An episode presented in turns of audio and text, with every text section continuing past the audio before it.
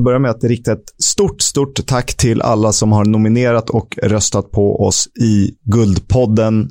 Tyvärr räckte det inte hela vägen. Eh, vi hamnade precis utanför topp fem. utanför topp sex borde det vara, eftersom att det är en Championship-podd. Men... Eh, exakt, exakt. Vi stannar kvar. Vi vill vara kreddiga. Ja, men det är väl det hela den här podden handlar om. Ja. Man vill ju, det är som han eh, Bosse Johansson sa ju, gamla Elfsborgs ordföranden som håller på Leeds när de spelade i Championship. Man vill ju vinna The Championship, men man vill inte gå upp till Premier League. Exakt så. Och eh, det är såklart tuff konkurrens med bland andra When We Were Kings och Toto Balutto och avknoppningen Hockey-Toto. Så ja, heder. Jättefina eh, poddar i konkurrens med, får vi ju säga. Att vi ens är nominerade i alla fall, jag glad för. Väldigt stort. Och eh, vi kämpar vidare. Och vi har mycket att prata om. Och en alldeles speciell gäst Ja, och det har man ju sett i, i uh, avsnittsinformationen man har läst den. Gusten Dahlin. Wow. Championship-vurmare. Tydligen. Blackburn-vurmare, lite grann. Det visste inte jag. Nej. Ipswich-fanatiker. Nej, ja. det var en överdrift.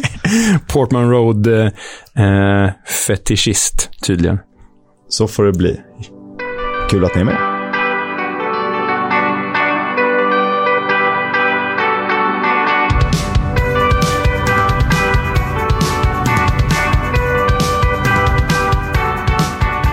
Footballs Coming Home är en podcast om de älskvärda ligorna som kallas Championship, League 1 och League 2. De är helt fantastiska. Eh, vi är också fantastiska på våra sätt. Jag heter Oskar Kisk och brukar leda ordet innan jag lämnar över till min partner in crime. Eh, Leonard Jägerskiöld Velander.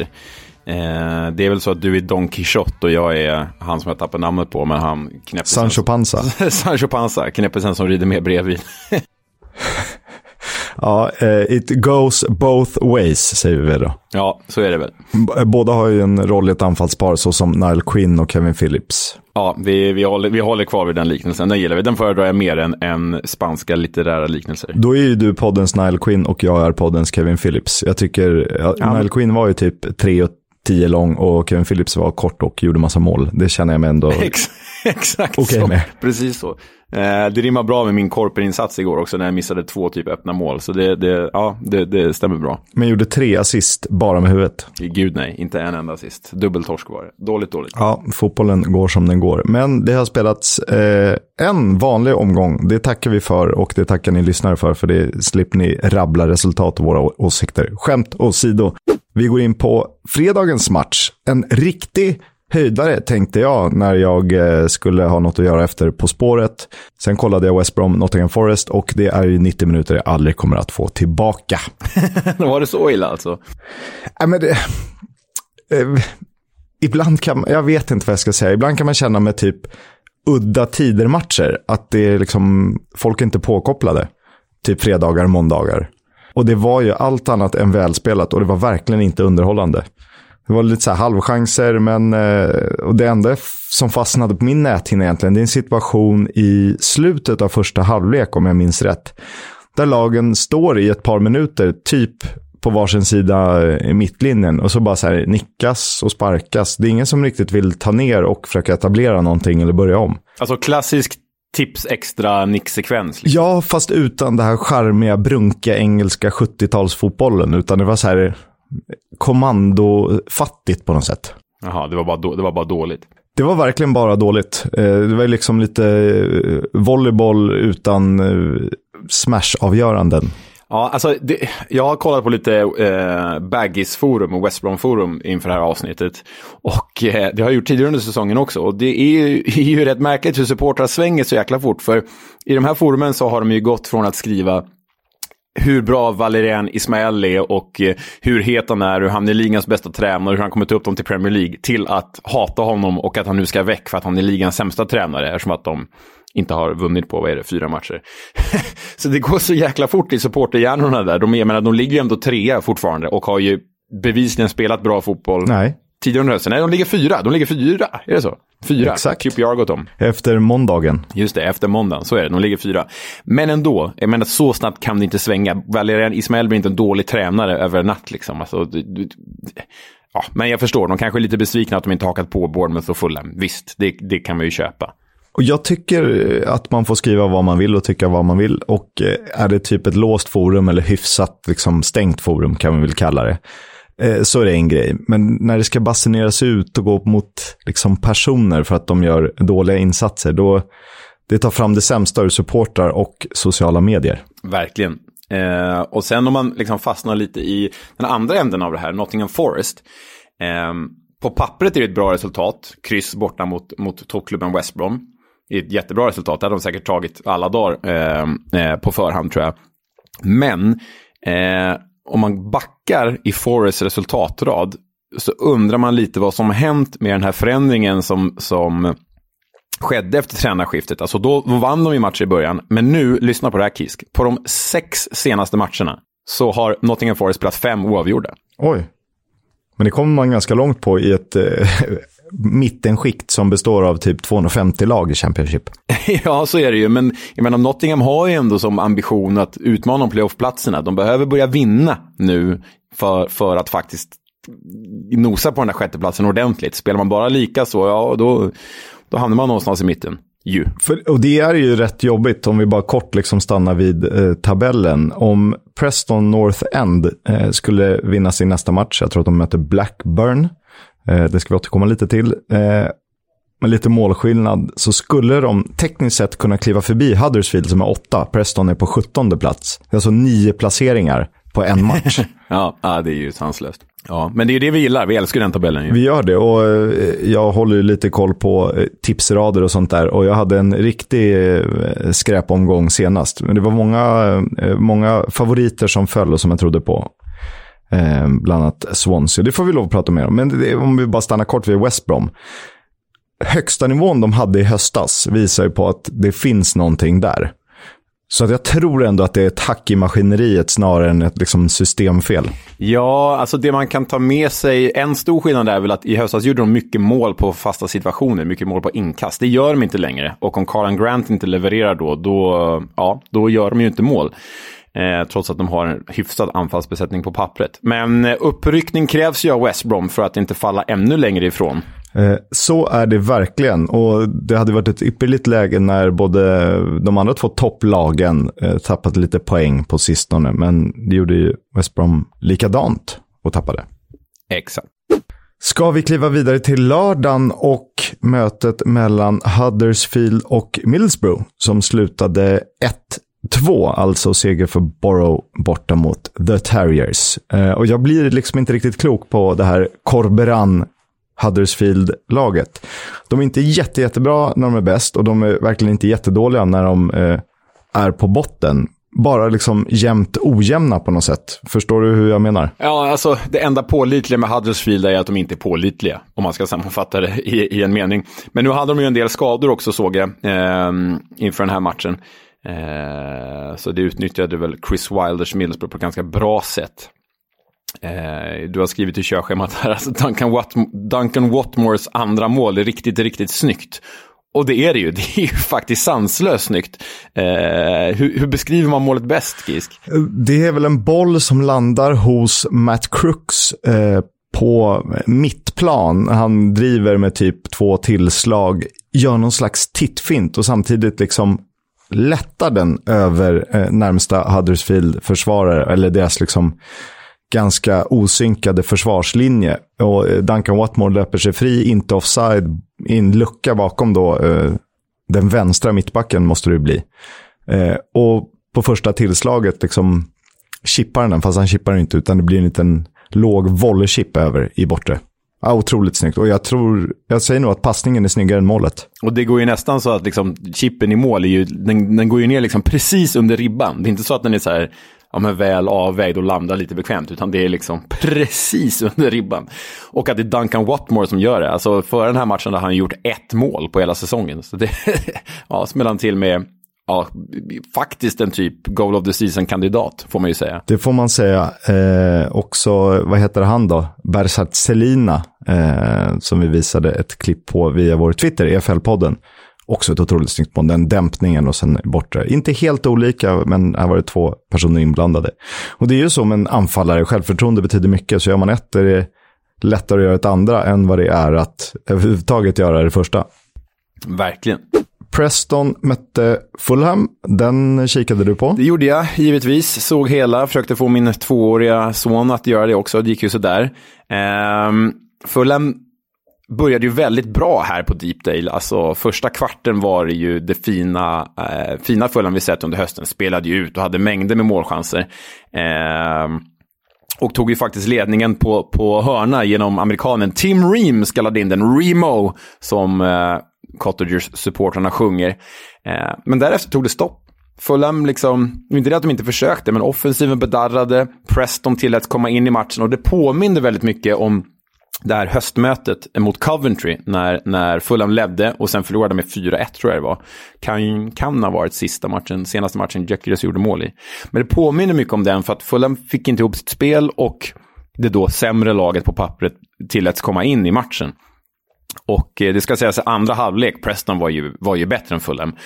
Och så bytte de in den kontroversiella Ched Evans tillbaka i fotbollen sen något år. Eh, och han kvitterade, mycket, mycket rättvist för Preston. Men på ett mål som är ju direkt regelvidrigt. För det är på en fast situation. Shed Evans får bollen på sin arm. Och på mållinjen räddas den av en av Shed Evans lagkamrater av han dansken eh, Ris Jakobsen. Den tar på hans arm, väldigt uppenbart. Och sen studsar han tillbaka på Shed Evans och på hans arm och så in i mål igen. Så det är liksom tre handsituationer varav en är jätteuppenbar, ser man direkt liksom. Eh, men eh, ändå eh, godkändes målet. Och visst, det var verkligen rättvist, men just det målet ska inte godkännas. godkännas. Det här betyder inte att jag förespråkar VAR. VAR är det värsta jag vet. Har jag sagt det också i den här podden första gången. Men, men eh, så rättvis poäng på, på Deepdale ska ju också sägas att Fulham kom ju från en sjukvecka. Det var därför Marek Rodak och Mitrovic inte spelade mot Derby. De var ju sjuka. Eh, men nu var de tillbaka utan att göra något, stö något större väsen av sig. Ries Jakobsen måste vi nämna. Han, eh, han klättrar i målligan och eh, har gjort det riktigt bra här i andra halvan av den första delen av säsongen. Ja, men det är väl Prestons bästa offensiva spelare egentligen eh, hittills får vi, ju, får vi ju erkänna, trots att han är dansk. I eh, inte särskilt tuff konkurrens kanske. Bournemouth och Coventry spelade oavgjort är ganska målrikt möte. Vad har vi att säga där? Ja, men eh, alltså i och med att eh, Fulham tappade poäng så kunde ju Bournemouth återta första platsen. Och det såg ju väldigt bra ut. De ledde ju med 2-0 genom Jaden Anthony och, och Philip Billing. Och ägde matchen fullkomligt på, på Dean Court, eller Vitality Stadium som det heter med sponsornamn. Men Jefferson Lerma som spelade mittback för dagen sattes i skiten, tvingades ta ett rött kort framåt 70 minuten och där bara vände det. Coventry tog över helt, lyckas reducera till 1-2 med fem minuter kvar av Matt Godden. Och sen gör de 2-2 i 95 minuten, hämtar Coventry upp till 2-2. Och eh, det är Todd Kane ytterback för dagen, ytterspringare i Coventry som, ja, det ser ut som ett inlägg som går direkt i mål egentligen. Oklart om det, det var med flit eller inte. Men Coventry visar återigen upp en jäkla, ja men en jäkla anamma, en never say die-attityd. Fighting spirit. Ja, det är ju det de har. Men eh, tyvärr... Och Gyökeres började på bänken va? Ja, och det är ju det som är, är, är tyvärr här. Gyökeres har ju alltså gått mållös i nio raka matcher nu sedan han togs ut i landslaget och började på bänken. Han kanske av den anledningen, det vet jag inte. Men, men eh, den fina hösten för Gyökeres är ju, den är ju borta. Den målformen finns inte längre. Eh, de, eh, de gånger jag har sett honom tycker jag ändå han har varit bra i spelet. Det pratade vi om en del förra avsnittet, hur viktig han är för anfallsspelet. Men det är rätt lätt att bli isolerad och liksom ska han göra allt i anfallsspelet, då, då finns det problem. Men nu har de mustaschguden Matt Godden. ja, ni, borde, ni borde gå in på, på eh, våra sociala medier, Twitter och Instagram och kolla på bilden som Kisk har lagt upp på Matt Godden. Det är en härlig, härlig eh, utvecklad moppemusche eller vad vi ska kalla det. Det är en gammal Magnum PI-fyllnad eh, till mustasch. eller det, ja, vad kallas det när den går hela vägen? Jag vet inte. Kommer jag inte på ordet. Nej, Nej, jag, är, jag är dålig i mustaschvärlden så jag låter det vara osagt. Vi traskar vidare till Peterborough Barnsley och det här var Poyas Bagis andra match då officiellt som manager för Barnsley. Och hans första poäng. Ja, och en, en viktig sådan. Alltså Peterborough och Barnsley är ju som alla vet, förutom Derby, de två lagen under strecket. Och eh, här var det oerhört viktigt för inget av lagen att förlora. Och det gjorde de inte. De höll ju nollan i en extremt händelsefattig tillställning. Det kan ju dock ha varit någon slags här pyrrusseger här, för samtidigt tog ju Hull, Hull eh, sin, sin fjärde raka seger och Reading vann och Cardiff vann. Så trots att de då liksom undvek att förlora så vann ju alla bottenkonkurrenter runt omkring dem. Så istället för att faktiskt avancera i tabellen så blev de ju frångådda båda två. Så jag vet inte hur man ska värdera den här poängen riktigt. Och rätt dumt, eh, dumt, men det var ju synd för Barnsleys skull att inte ta tre poäng och således knappa in på Peterborough. Nu är man ju fortfarande fyra poäng bakom, vilket är tufft. Ja, ja men det här... Eh, Eh, de har ju fått kritik hittills, det har ju bara gått två matcher under Poja, men fått kritik för att de inte har skapat någonting på de här två matcherna under Poja. Men han har ju samtidigt pratat i engelsk media om att det handlar om att säkra defensiven först och att hitta en stabil och trygg grund och utifrån det avancera. Så vi får se hur det blir framöver. Med svenska ögon så hoppas vi att eh, det vänder såklart. Det måste vi göra. Birmingham mötte Blackpool och det blev eh, profilen lite av en ikon nästan. Lukas Jutkiewicz avgjorde matchen. Mm, hoppade in, avgjorde matchen och jag läste en intressant statistik att Birmingham är det lag som nu efter den här omgången har hållit flest nollor i serien. Eh, och ändå ligger de på typ 13 plats eller vad det är i mittenskiktet. Så då tänker man ju att tänk om de kunde göra lite fler mål. Då skulle de nog vara ett lag som skulle pusha för en playoff till och med. Så är det och jag tror att, eh, eller jag vet att Mattias Sarkic som vaktar målet i Birmingham är ensam etta i hållna nollor-ligan med 10 tio stycken. Ja, exakt. Så det, alltså, han har ju fått ordning på defensiven där och offensiven det är ju bra namn. Alltså, det är ju Troy Deeney, det är Jutkiewicz, det är Scott Hogan. Va? Det är ju spelare som alla har gjort 10-15 mål en säsong i Championship. Man, men nu, nu lossnar det inte riktigt. Eh, det kommer väl, tror man på expected point så ska ju Birmingham ligga på en helt annan placering. Och då är väl det ett av de lagen som har störst differens mellan faktiska poäng och förväntade poäng i Championship hittills. Yes.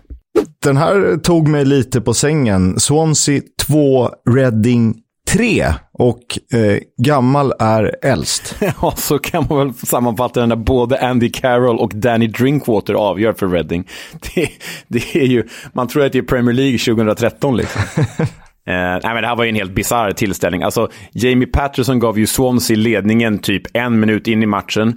Minuten efter det kvitterar Reading eh, genom eh, Dele Bashiru och eh, Swansea som som eh, ja, i alla matcher nu för tiden, de dominerar ju fullständigt. Lyssna på det här Kisk. 19-9 i skott, 74-26 i bollinnehav, 797-285 i passningar. Alltså, det är någonting i den här statistiken som säger att bara Swansea måste bli mer effektiva. Och det har vi ju pratat om hela hösten och jag eh, eftersom jag drog en liten lans för dem som möjlig utmanare i vår ligaguide så blir jag irriterad varje gång de inte vinner. Det är lite som de som spelar fantasy sitter och hejar på spelare, således hejar på ett lag. Eh, även fast de inte vill det. Men här vill man ju att det ska gå bra. Ja, nej men alltså, och det, jag håller med dig. Nu drog inte jag samma lans för Swansea, men jag håller med dig. Har man en sån här filosofi som man, som man liksom lever för och tror på och har som DNA i klubben, det är klart man vill att det ska gå bra. Och så, alltså, det är ju helt sinnessjuka siffror de har i match efter match. Jag såg en, en bullet här, bullet pratar jag tv-språk, men jag såg en bullet här att Swansea har på de sex senaste matcherna slagit fler passningar än vad Birmingham har gjort på hela säsongen. Dra åt pipsvängen. alltså det, det, det är helt otroligt och ändå är de ganska nära varandra i tabellen. Men rubriken här var ju inte bara Danny Drinkwater gjorde sitt första mål på typ fyra år, utan kanske framförallt Andy Carroll gjorde sitt första mål i Reading. Och han firade ju genom att samla hela laget. Och så här sa han efter matchen. As the ball was rolling back to him from Allen I thought I'm going and I got a good touch on and, and threw cut back on my left and hit it. And it would be rude not to mention the celebration. Tell me, was that planned? Well, it was one of them ones where we had a meeting and the, the gaffer said we're all in the same boat, um, going for the same thing. And I don't know, that was it. And I waved the lads over and says, we're all in the same boat, let's go. Vi pratade ju om Andy Carroll som en eh, en värvning som skulle kunna göra skillnad. Och det är kul att man har rätt ibland i alla fall. Ja, men hittills har han ju liksom startspelare och, och satt avtryck, uppenbarligen. Så... Han kom väl in senast och byggde upp eh, det målet för Reading. Ja, nej, men han, eh, han verkar finnas med i deras planer längre än till januari, vad det verkar i alla fall. Roligt för honom. Och sen har vi en liten det får man ju ändå säga att det var en liten miniskräll. Eh, att Hall eh, knep tre poäng mot Millwall, matchen slutade 2-1. Eh, Honeyman i målprotokollet igen. Ja, och Halls fjärde raka seger. Eh, Chandler McCann har ju bytt eh, formation från 4-4-2 till, eller 4, ja vad vi nu ska kalla den, 4-2-3-1 eh, till 3-5-2 är ju skillnaden på de här fyra senaste segrarna. Och det har ju inneburit fyra raka segrar, så de är ju ur träsket. Det är lustigt, för att det känns som att det här inträffade ganska eh, exakt samtidigt som vi började prata om att eh, ja, oj, det blir tufft för Hall och ska de klara det här och kostymen i Championship är för stor. Äh, de håller kvar vid sina League One-takter, men eh, det fick man ju äta upp det också. Ja, verkligen. Sen är det ju spännande. Det ryktas ju om nya ägare i Hall, att det är på gång. Vi får se vart det leder. Men nya turkiska ägare. Vi får se vad det innebär för klubben. Luton mötte Cardiff. Eh, klassiskt gammalt kravallmöte om man pratar det typen av språk. Eh, jag var övertygad om att eh, Luton skulle kunna göra något bättre av det här än att förlora med 1-2 hemma på Kenny. Mm. Men eh, din kompis Jordan Clark gjorde mål i alla fall. Är han min kompis? Nej, det vet jag inte. jag bara tänker att han är där som att han spelar i Luton. Nej, nej men eh, Luton har ju tappat lite, lite luft, lite pyspunka kan vi väl säga. Eh, de har ju liksom tre förluster på de fyra senaste nu. Att jämföra med segrande Cardiff då, som har tre segrar på de fyra senaste. De har ju fått effekt på sitt tränarbyte. De, eh, om man pratar om att eh, Huddersfield är liksom en ganska lugn EKG så känns ju Lutons eh, hjärtrytm helt annorlunda det är ju verkligen höga toppar och djupa dalar. Ena veckan pratar man om dem som att de kanske ändå ska kika på den här playoff-platsen och nu tänker man att de får nog akta sig och titta bakom axeln. Ja, och det låter ju då som ett mittenlag, helt enkelt. Men eh, de har ju verkligen potential att spela fenomenal fotboll, men, men eh, så här kan det inte se ut. Men Cardiff var, vad jag förstod på rapporterna, ganska bra faktiskt. Hatten av eh, Cardiff. Och sen en spelare som faktiskt eh, är lite av en favorit. Eh, som jag såg för ett par veckor sedan och som jag kikar lite närmare på. Som jag gillar höfterna på. Reda Kadra. Han avgjorde för Blackburn, borta mot Stoke. Ja, det är fan en tuff bortamatch i Staffordshire. Åka till, åka till Britannia eller Bet365 eller vad den heter och, och vinna med 1-0. Stoke bröt ju på ditt favoritanfallspar Brown Fletcher för att få in Tyrese Campbell från start. Det gick ju sådär. Eh, Blackburn vann ju eh, genom Kadra och eh, dock tung skada för Blackburn när belgiska keepern Thomas Kaminski utgick i den andra halvleken. Ainsley Pierce ersatte. Vi får se hur långvarig den skadan är. Men Blackburn, hörru, de ligger på playoffplats. Blackburn gör det ju jättebra sett till att vi pratar om dem som snarare nedre mitten än någonting annat inför säsongen. Och ingen Armstrong, men det är ju också mycket Ben Burton Diaz. Så Reda Kadra får väl nämnas eh, som en spelare där också. Ja, nej, imponerande Blackburn. Stoke nu ligger väl precis utanför topp 6. Lite pyspunka där också har ju Nick Powell skadad. De borde ju faktiskt ta poäng i en sån här match. Men, men hatten av för Tony Mowbrays Blackburn. Nick Powell, en av dem med högst eh, mål per 90 minuter om man räknar och sånt. Men han spelar inte så ofta så det är svårt att förlita sig på. Han var ju skadad lite eh, säsongsinledningen, spelade, gjorde mål, var effektiv, skadad igen. Ja, Exakt. Eh, det spelades en match i söndags också. Det var Sheffield United, Bristol City. 2-0. Se på fasen. Sheffield United vinner igen. Ja, och det direkt under nya tränaren eh, Heckingbottom. Eh, fick ju effekt direkt. Han ändrade ju från Slavisa Jokanovic eh, uppställning, gick tillbaka till det de spelade förra säsongen i Premier League. Inte för att det gick bra, men spelare fick återigen spela på rätt positioner. Och det innebar ju att Rian Brewster gjorde mål, Billy Sharp gjorde mål, 21-7 i skott, 65 35 i bollinnehav. Och aj, aj, aj, Robin Olsen, ny tränare, kommer in. Då är Robin Olsen skadad för tredje matchen i rad och återigen gör Fodringham en väldigt bra match i Sheffield-kassen, gör ett par bra räddningar. Eh, det, jag får en liten jobbig känsla här. Nu är ju Robin Olsen mycket större namn förstås än Fodringham, men jag får en jobbig känsla. Det är väl tre raka nollor på Fodringham nu. Och Eh, med tränarbyte. Ah, jag blir inte förvånad om Olsen kan sitta på bänken när han väl kommer tillbaka från skadan. Det känns ju som att historien upprepar sig. Han gör ett bra mästerskap och spelar ett par eh, fina, gör ett par fina framträdanden i landslaget under hösten i kvalmatcher och liknande. och sen eh, får han en ny klubbadress och vips så är den formen borta. Nu är han skadad, så det, går inte, det är inte hans fel att Fodringham gör det jättebra. Eh, men ändå. Ja, det känns jobbiga, jobbiga tillfälligheter i Olsens karriär. Men vi hejar ju på att han petar Fodringham när han väl kommer tillbaka. Men jag är lite orolig i min mage när jag tänker på det här. Det är eh, två sidor av myntet såklart, men eh, antingen har du valt en första målvakt inför säsongen eh, och det här var ju faktiskt under Djokanovic som Olsen värvades, så det kanske var hans första målvakt. Men kommer in och så är Fodringham bra, du kan ju inte peta en målvakt som håller tre raka nollor och om laget fortsätter vinna och han skulle spela bra, eh, då är det ju då får ju Olsen liksom hoppas på ett misstag och det gör man inte heller som kollega. Nej, nej det är en lurig situation där. Usch. Usch säger vi. Eh, omgången avslutades med höjdaren Derby County mot Queens Park Rangers och som den avslutades den matchen. Ja, alltså vi kan inte ska fastna så mycket i matchen utan mer prata om målen. Derby gör återigen en bra match mot ett toppmotstånd, tar ledningen, tappar dock genom två fenomenala mål av QPR. Kvitteringen av Willock är ett inlägg från Charlie Austin som Willock bara på volley smäller upp i närmsta kryss. Och sen Andre Grays mål jag vet inte ens om det går att beskriva, för det är väl höstens snyggaste mål i, hittills. Det, det, det är det väl? Ja, ja, det är kanske inte ens omgångens snyggaste mål med tanke på eh, Duncan Watmore där. Men eh, det är klart som prestation så det är.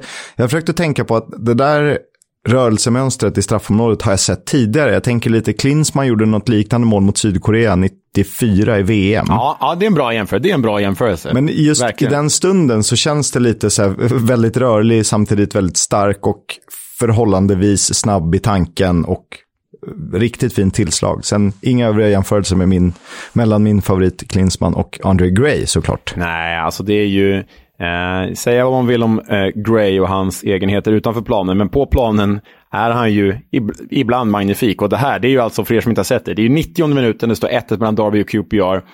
Eh, inlägg kommer, eh, nickas i stolpen av Chair tror jag det är. Ja. Returen går ut till Andre Gray, med ryggen mot mål slår han upp bollen en gång två gånger på volley och sen tredje gången snurrar han runt ett halvt varv och dundrar in den på volley i, ja, dundrar in den i krysset typ. Det är ett magnifikt mål. Så gå in och kolla på, på vår Twitter, för där finns det. Lyndon Dykes är fortfarande skadad, men det är knappast som de behöver vara oroliga med Willock Gray och Charlie Austin som du nämnde som målgivande passningsläggare alldeles nyss. Och dessutom en tjejer som flyter omkring som hans ben vore gjorda av jag vet inte vad, vatten. Och QPR trea i tabellen. Have you not been watching? I haven't!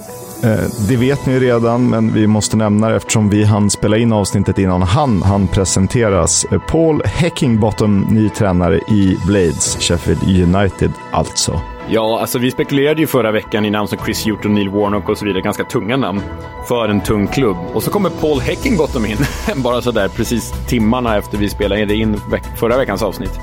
Fyra och ett halvt års kontrakt. Det vittnar ju om lång sikt och förtroende eh, från The Blades. Och eh, på presskonferensen när han presenterades så sa faktiskt ägarna att, eh, eller det var väl ordföranden som sa, eh, vi, kommer, vi kommer inte bedöma Häckenbottom på hans resultat, utan på vilken fotboll han står för, hur fotbollen ser ut. Och det är ett intressant uttalande. Jag gillar uttalandet, men jag vet inte om jag tror på det. Nej, det är, det är väl där jag landar också. Sen är det ju intressant att Heckingbottom, han har ju förflutet i The Blades. Alltså, han har ju varit, vad är det, U23-tränare eller U19-tränare.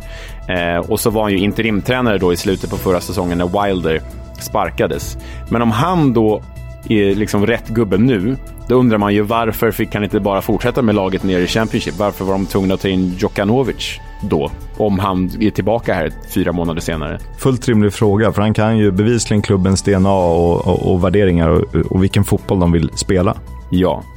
Um, han har ju eh, tagit upp Barnsley eh, till The Championship tidigare, tränat Leeds, misslyckats där, tränat Hibs i skotska ligan. En rolig grej med honom det är att hans Twitterkonto så har han liksom skrivit ihop eh, hans förnamn med efternamnet. Han heter ju Paul Heckingbottom, men han har skrivit P Heckingbottom, så det blir ju Feckingbottom. Det tycker jag är roligt. eh, men så här säger han i alla fall om sitt nya jobb. Yeah, it's been crazy. It's been crazy, Taz. It's uh... yeah, it's all that that uncertainty is really unsettling, but the uh, the opportunity is too good, you know. And, and having worked with the players last year, and the staff, um, I know the club. It's um, it's, it's an opportunity that I can't turn down. I'm just really excited to get going and get working with the players. Mr Feckingbottom låter faktiskt som en karaktär i Fawlty Towers. Verkligen. Och så till en eh, eh, rolig nyhet på ett sätt och eh, en kamp eh, för den moderna fotbollen på ett annat sätt. Eh, från och med säsongen 2024-2025 så planerar man att börja sända matcher klockan tre i England, alltså 15.00, svensk tid då, 16.00. De har ju varit, de har ju en blackout, en fotbollsblackout där på lördagar i England, så att de matcherna ska inte gå på tv. Så att går man runt på en pub, eh, mellan pubbarna och försöker hitta någon så kan, man, kan jag bara säga lycka till. Och det är ju inte helt okontroversiellt för den lokala befolkningen. Däremot måste jag ju säga att det är ett steg i rätt riktning för oss som bor i utlandet och vill följa det här. För det är ju samma problematik som det har varit med Premier League och svårt att sända så säger man så här, ja men det kan börja fulstreamas. Men det finns, vill man se matchen så kommer man ju hitta matchen. För någonstans i världen sänds den och således någonstans i världen eh, kommer någon att eh, lösa en fulstream då. Ja, alltså det är ju som du är inne på, det är ju dubbelt här. För dig och mig som sitter hemma i soffan och vill kunna välja mellan QPR och, och Luton och Barnsley eller vad det nu är. För oss är det ju bara härligt. Men det, de, det man varit rädd för i England och det man velat skydda är ju att faktiskt folk ska gå på arenorna, ska gå på matcherna. Eh, och kanske inte stanna hemma och kolla på en Premier League-match när deras lokala lag Barnsley eller Peterborough spelar fotboll. Liksom. Så man, det är ju till för att uppmuntra folk att gå på sina lokala lag. Eh, så jag förstår ju verkligen, jag förstår den här blackouten. E, exakt, jag förstår den i, i England, men jag tycker att det är bra att man öppnar upp för ja. internationella ja. sändningar, för det kommer ju bara öka värdet. Och jag tror ju att fotbollen är så pass djupt rotad i bland många målgrupper att det är svårt att få folk att inte gå. Det kanske dalar lite, men eh, det går ju från generation till generation. Man följer med någon av sina föräldrar och sen, eller mor och farföräldrar och på den vägen är det ju. Sen såklart, den nya Fifa-generationen kanske inte ser samma värde i det, men jag tror att de får svårt att tappa. Och särskilt när Premier League går så bra så kommer det göra att intresset för Championship ökar i takt med, eller ja, någon procent i alla fall. Ja, alltså ta bara måndagsmatchen här, QPR, eller Derby hemma mot QPR på Pride Park. Alltså Derby med förutsättningar som vi alla vet om nu, men Derby med sina 24 minuspoäng och har en poäng i tabellen och de är, håller på att gå i konkurs och det är hopplöst. De hade ändå 20 000 personer på Pride Park, så det finns ju verkligen en vilja av att gå på sitt lokala lag. Det gör det. Ja, och det till, fotbollen är ju kultur i England på samma sätt som den är i många andra delar.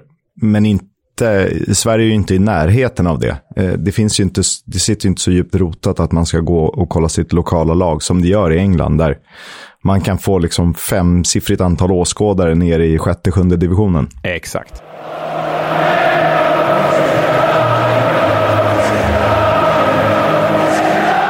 Footballs Coming Home sponsras av Stryktipset, ett spel från Svenska Spel, Sport och Casino. För dig över 18 år. Stödlinjen.se. Lördag 16.00 Blackburn mot Preston North End. Och egentligen är det ju så att Blackburn mot Burnley är det riktiga Lancashire-derbyt i öst och Preston mot Blackpool i väst. Men ett Lancashire-derby är alltid ett Lancashire-derby. Och för oss eh, kanske inte rivaliteten känns så naturlig då de egentligen aldrig möttes mellan 2001 och 2015. Men eh, de har varit konstanter i Championship de senaste åren. Och för eh, Blackburn ser det ut att bli en kamp om playoffplatserna trots tongångarna inför säsongen. Och att eh, PNI skulle ligga ovanför nedflyttningsstrecket känns ändå troligt, men lokala rivalmatcher brukar leva sina egna liv. Sen får man ju tipsa om att lördagens tv-match är tungviktarmötet Millwall-Birmingham. 16.00, som hämtat ur en Football Factory eller liknande film. Leo, vad, vad känner du inför helgen? Nej, men, eh, jag hade faktiskt skrivit upp Lancashire-derbyt Blackburn-Preston jag också, men jag får väl göra avbön där och istället föga oväntat lyfta fredagens match. Ettan mot tvåan, Fulham mot Bournemouth. Parker-derbyt. Parkers pojkar kommer tillbaka till Craven Cottage. Fulham Bournemouth. Det är ju och en hejdundrande smällkaramell och kommer bli underhållande. Sen har vi faktiskt en söndagsfight också som eh, jag tror mycket på. QPR är ju roliga i varje match och nu möter de Stoke eh, som vill hänga på playoff, playoffplatserna. Så vill man se underhållande, rolig fotboll, då kör vi Fulham Bournemouth fredag och QPR Stoke på söndag. Och med det så är vi ju faktiskt framme vid eh, segmentet Klubben, The Club, eller Veckans Klubb, eller Club of the Week, eller vad det nu heter. Jag vet inte längre. Det kanske inte heter någonting alls. Men eh, för er nya lyssnare, vi märker att vi har några nya sådana varje vecka, vilket är väldigt roligt. Men för er nya lyssnare så har vi ju då ett segment varje vecka där en av oss ska berätta om en klubb som återfinns i The Championship eller i League 1 eller i League 2. Och just nu betar vi av The Championship och det har blivit Oskar Kisks tur att prata om Derby County.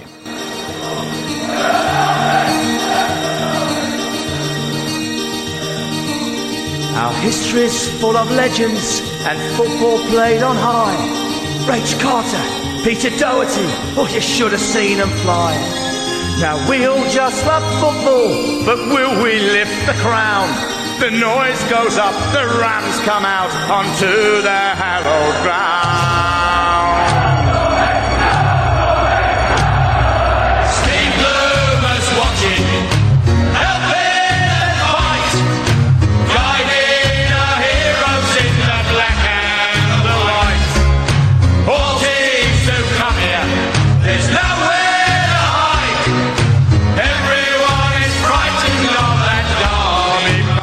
Ni hörde Steve Bloomers Watching, Derby Countys hymn sedan Boxing Day 1997. Två supportrar till klubben hörde introt till en Aussie Rules-sändning med sången Up There Cassali och tänkte att den kunde passa klubben. De skred till verket med hjälp av lokala förmågor, både mer och mindre kända. Idén föddes 96 och i oktober 1997 spelades den för första gången. Men det dröjde till annandag jul innan den färdiga versionen rullades ut. Och sedan dess spelas den inför varje hemmamatch. Och för er som inte har koll på Steve Bloomer, han anses ju faktiskt vara fotbollens första superstjärna och en av Darbys största genom tiderna, även om hans prime inträffade under det förra sekelskiftet. Bara Jimmy Greaves har gjort fler mål i Englands högsta division än Bloomers 314, Greaves på 357. Han har vunnit skytteligan vid fem tillfällen och återfinns i Football League 100 Legends samt English Football Hall of Fame. Exper experter menar att han var en David Beckham av sin tid, som gjorde kommersiella samarbeten med tillverkare av skor, kläder, bokförlag, tobaksproducenter med mera. Bloomer spelade i Derby mellan 1892 och 1906 samt 1910 och 14. Däremellan fyra säsonger i Middlesbrough sedan Derby tvingats sälja honom på grund av ekonomiska problem. Och just ekonomiska problem, det passar den här klubben på något konstigt vänster. Han blev också mästare med Derby Baseball Club tre gånger, var framgångsrik sprinter och kunde spela cricket på hög nivå. Dessutom hann han med att bli fängslad i Tyskland i samband med att ha flyttat dit för att träna Britannia Berlin 1914, alltså ungefär samtidigt som första väg. Britannia Berlin. Ja, det, är, det är ett otroligt klubbnamn. Jävligt mäktigt alltså. Det finns ju typ Tasmania Berlin finns väl kvar, men Britannia Berlin, vilket gäng alltså. Mycket bra allitteration. Jag, jag hittade inte exakt när han blev frisläppt, men som jag förstod det, när eh, Storbritannien då och, eller England och Tyskland inte var helt överens, så var han, blev han fängslad där och var tvungen att bo i Tyskland tills första världskriget var över, alltså 1918.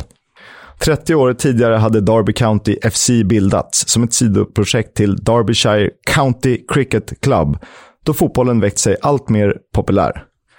Man var med och grundade Football League 1888, men hade svårt att sätta press på den tidens jättar. Preston North End, Sunderland och Aston Villa. För att nämna några.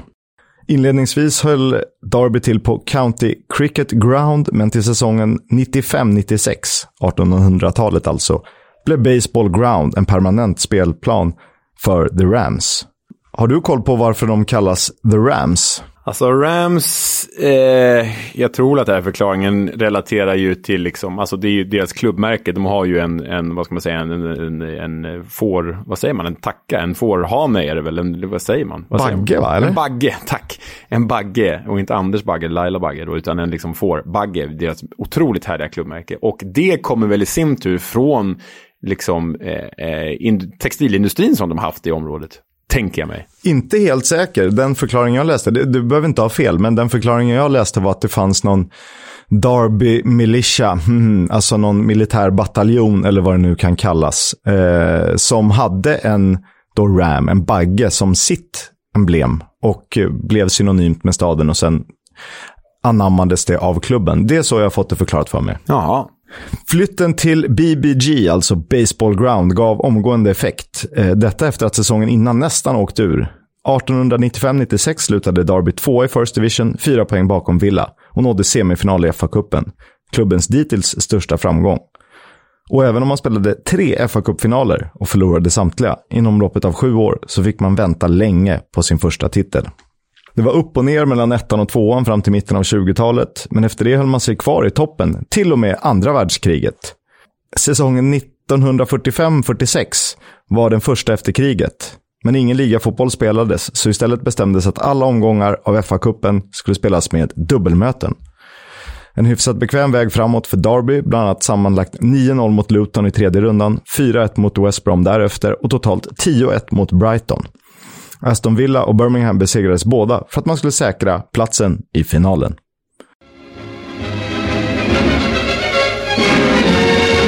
From the Pathé newsplane, Wembley Stadium looks packed to capacity with a six-figure up for the cup crowd as Derby County and Charlton Athletic wait to be presented to His Majesty the King.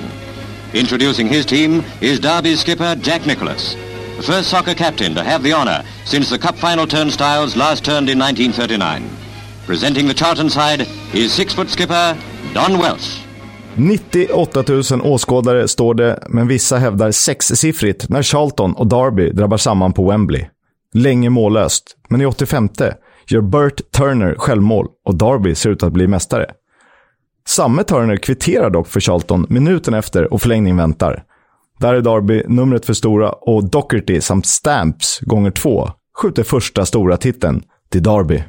Beaten in three cup finals, Derby County knots their first win, and skipper Jack Nicholas gets a royal handshake and the coveted silver trophy.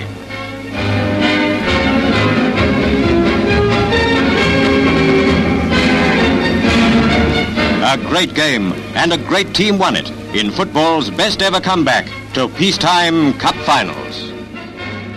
Derby gör ett par starka säsonger i finrummet, men blott tio år efter fa Cup-triumfen är man nere i Division 3 för första gången i klubbens historia.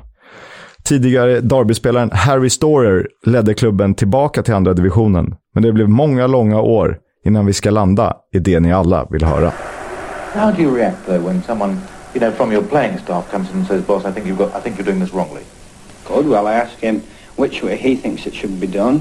We get down to it, and then we talk about it for 20 minutes, and then we decide I was right. I maj 1967 tar Brian Clough och Peter Taylor över som tränare för Derby County. Derby hade slutat på 17 plats säsongen innan och det var ingen omedelbar succé, även om man hade lagt ett fundament till något framgångsrikt, med facit i hand. Säsongen 67-68 slutade Derby på 18 plats i Division 2. Så en försämring på placeringsplanet, men med en helt ny trupp. Claff och Taylor beh behöll endast fyra spelare, däribland Kevin Hector, som vann den interna skytteligan i Derby sju gånger. Och Ron Webster, som anses vara en av klubbens stora försvarsspelare genom tiderna. Och bland värvningarna bör Roy McFarland och John O'Hare nämnas. Försvarsklippa respektive målspruta, som också tillhör några av de stora, såklart. Dessutom rensades friskt på kansliet av olika anledningar. Jag läste att någon, eh, någon eller några kvinnor som hjälpte till med eh, onämnbara saker satt och skrattade efter en förlust och då var man inte längre välkomna i Derby. Hmm. Till säsongen 68-69 krävdes en högre nivå och bland andra Dave Mackay plockades in. Det bar frukt och Derby hade inga större problem med att vinna andra divisionen och återvända till finrummet. En fin start. Fjärde plats i First Division följdes upp av en nionde plats efter att i februari förstärkt med Colin Todd. Samme Todd som blev en otroligt viktig kugge 71-72. Och det är en historisk säsong och vi fick till och med tittarkommentarer, eller läsar, lyssnarkommentarer om att det här måste ni nämna. Det är väl självklart. det började svårslaget med fem segrar och sju oavgjorda. Men därefter följde en tyngre period med blott fem segrar på elva matcher. Och den sista innan jul förlorade man mot Leeds. Sen vände man på steken igen och förlorade blott en av de kommande 13 matcherna. Och nu väntade Leeds på Baseball Ground under påskhelgen. En seger där skulle innebära serieledning för Rams. Gamble's made a lot of ground in the middle. O'Hare's there as well. That's for O'Hare. 2 0 is it? Oh, goal!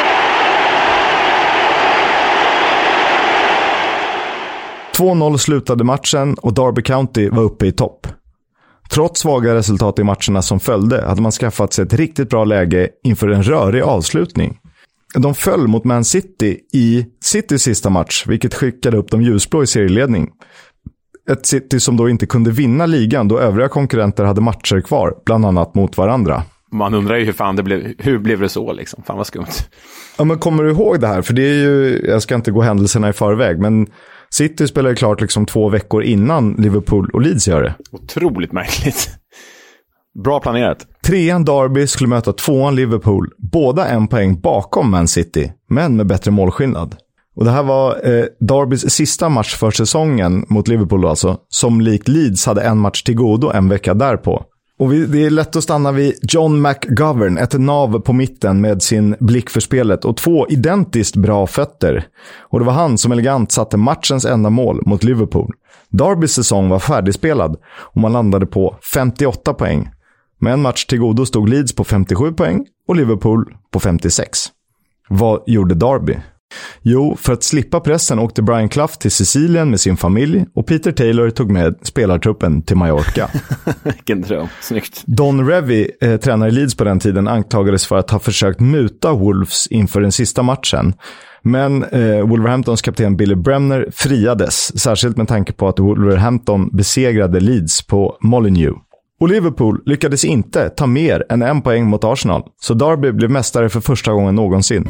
I badbyxor. Well, our season had finished, obviously. We're in Mallorca. Peter Saylor said to us one day, look, I want you all to come up to my room because I've got a, you know, I've got a, tele- a telephone link, he said, to the mainland. Yeah, Ar- Arsenal and Liverpool drawn. He said, there's only the result coming through from... And then he went, the line's gone dead.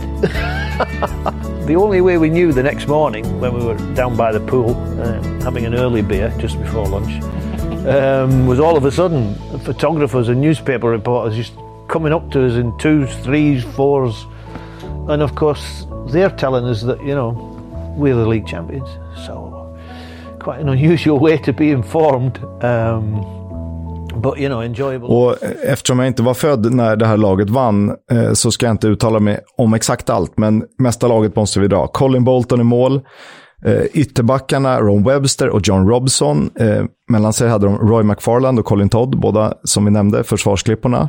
Archie Gemmil, John McGovern och Alan Durban var någon slags flytande tremanna mittfält med Alan Hinton i en fri roll till vänster. Någon slags Ronaldinho-position där. Och på topp Kevin Hector och John O'Hare. Ett eh, otroligt, ett otroligt anfallspar för sin tid. Vi kan väl höra vad Brian Clough har att säga om varför Derby vann. Everybody in the world. It's an accumulation of things. Uh, Peter Taylor and I, plus a successful side, plus the right buys. Everything, you know, the chemical reactions happened. And we've produced a side that's won a championship. Ja, de flesta av er kan väl fortsättningen. Brian Clough skällde på allt och alla. Följande säsong, supporterna var en disgrace, styrelsen var det ena och det andra. Han vägrade följa med på turné utan sin familj, så Peter Taylor fick ta den. Det värvades spelare utan godkännande. Förvisso semifinal i Europacupen, men det slutade med att han vägrade prata med fuskare när italienska journalister ville prata om matchen mot Juventus. Och faktum är ju att, faktiskt, att eh, Clough och Taylor ett par veckor innan ligatiteln sa upp sig för att lämna för Coventry, men ångrade sig när dåvarande styrelseordförande Sam Longson erbjöd mer pengar för att stanna kvar. Och man kan ju tänka sig att avskedet blev smutsigt och det var eh, turer fram och tillbaka där Longson inte var överens med styrelsen och definitivt inte med Clough och Taylor som till slut avslutade uppdraget. Det var för få fribiljetter, tjänstebilar som inte lämnades tillbaka, krönikor och tv-uppdrag som ogillades. Vad fan pågår?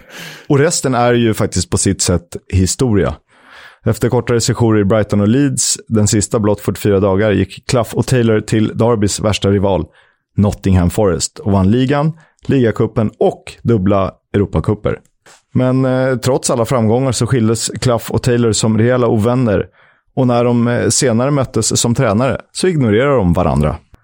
Samtidigt hade Darby County, som lät Dave Mackey ta över rodret efter duon, tagit sin andra ligatitel säsongen 74-75, när stora delar av truppen var kvar. Det är också Darbys senaste stora titel. Och en hälsning från en kär lyssnare. Vi minns de två säsongerna när Arsenal besegrades med 5-0. Jag hittade dock bara info om att Derby skulle ha slagit Arsenal med 5-0 i november 1972, alltså säsongen efter första titeln. Men jag blir gärna tillrättavisad. Wild here at the baseball ground. Yet another dead ball situation. Alan Hinton knocks it into the box. And Roger Davis gets up above everybody and scores the fifth goal. Ja, som ni säkert känner till är mötena mellan Derby och Nottingham Forest mer kända som East Midlands Derby, eller Brian Clough Trophy, eller El Cluffico. Och sedan 2007 delas trofén ut till vinnaren i den senaste matchen. Det här var ganska exakt tio år efter att Pride Park invigts, sedan man tvungna, blivit tvungna att anpassa arenan efter Taylor Report. Den initiala planen var att bygga om Baseball Ground, men man insåg att en ny arena skulle bli bättre. Om jag säger Igor Stimac, vad säger du då? Kroatisk backrese säger jag. Ja, men jag, jag säger inte emot. Eh, Jag kommer ihåg dem från EM 96, fortfarande det bästa mästerskapet som har spelats. Eh, han kom till Derby tidigt på säsongen 95-96, alltså året innan, och blev nyckeln till att Derby återvände till Premier League följande säsong. Anses fortfarande vara mycket populär i klubben och runt klubben. Och eh, till återkomsten blev det ju alltså så att man bestämde att Pride Park skulle bli nytt hem säsongen därpå, så till 97.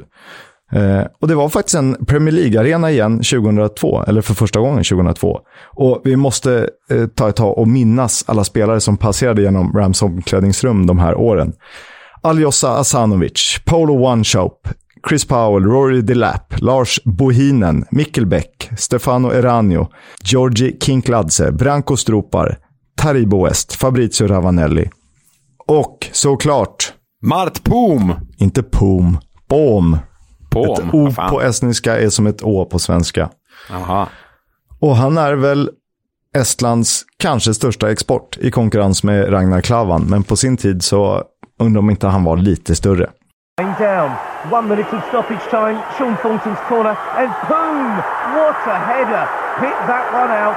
The goal of a lifetime. Any centre forward you can think of would struggle to score a better goal than that. He took off. And no girly dancing and kissing afterwards. Just straight back to his own patch. Having shown a lot of them, that is the way to do it.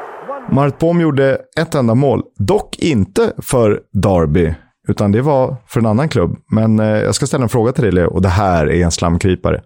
Men i egenskap av est så ställer den. Vet du hur många och vilka engelska klubbar han representerade? Nej, det kan jag inte på rak arm. Det jag, det jag kommer ihåg om Mart Poom, om jag ska uttala det rätt, det är ju Derby och att han sen var reservkeeper i Arsenal. Och sen tar det stopp, sen har jag ingenting mer på honom. Tyvärr. Målet gjorde han för Sunderland mot Derby och eh, en tid innan dess hade han spelat i Portsmouth och avslutade karriären i Watford. Mhm. Ja, Watford hade jag nog kanske på tungan. Ja, ja, Watford känner jag igen. Ja, okej. Truppen, eller trupperna.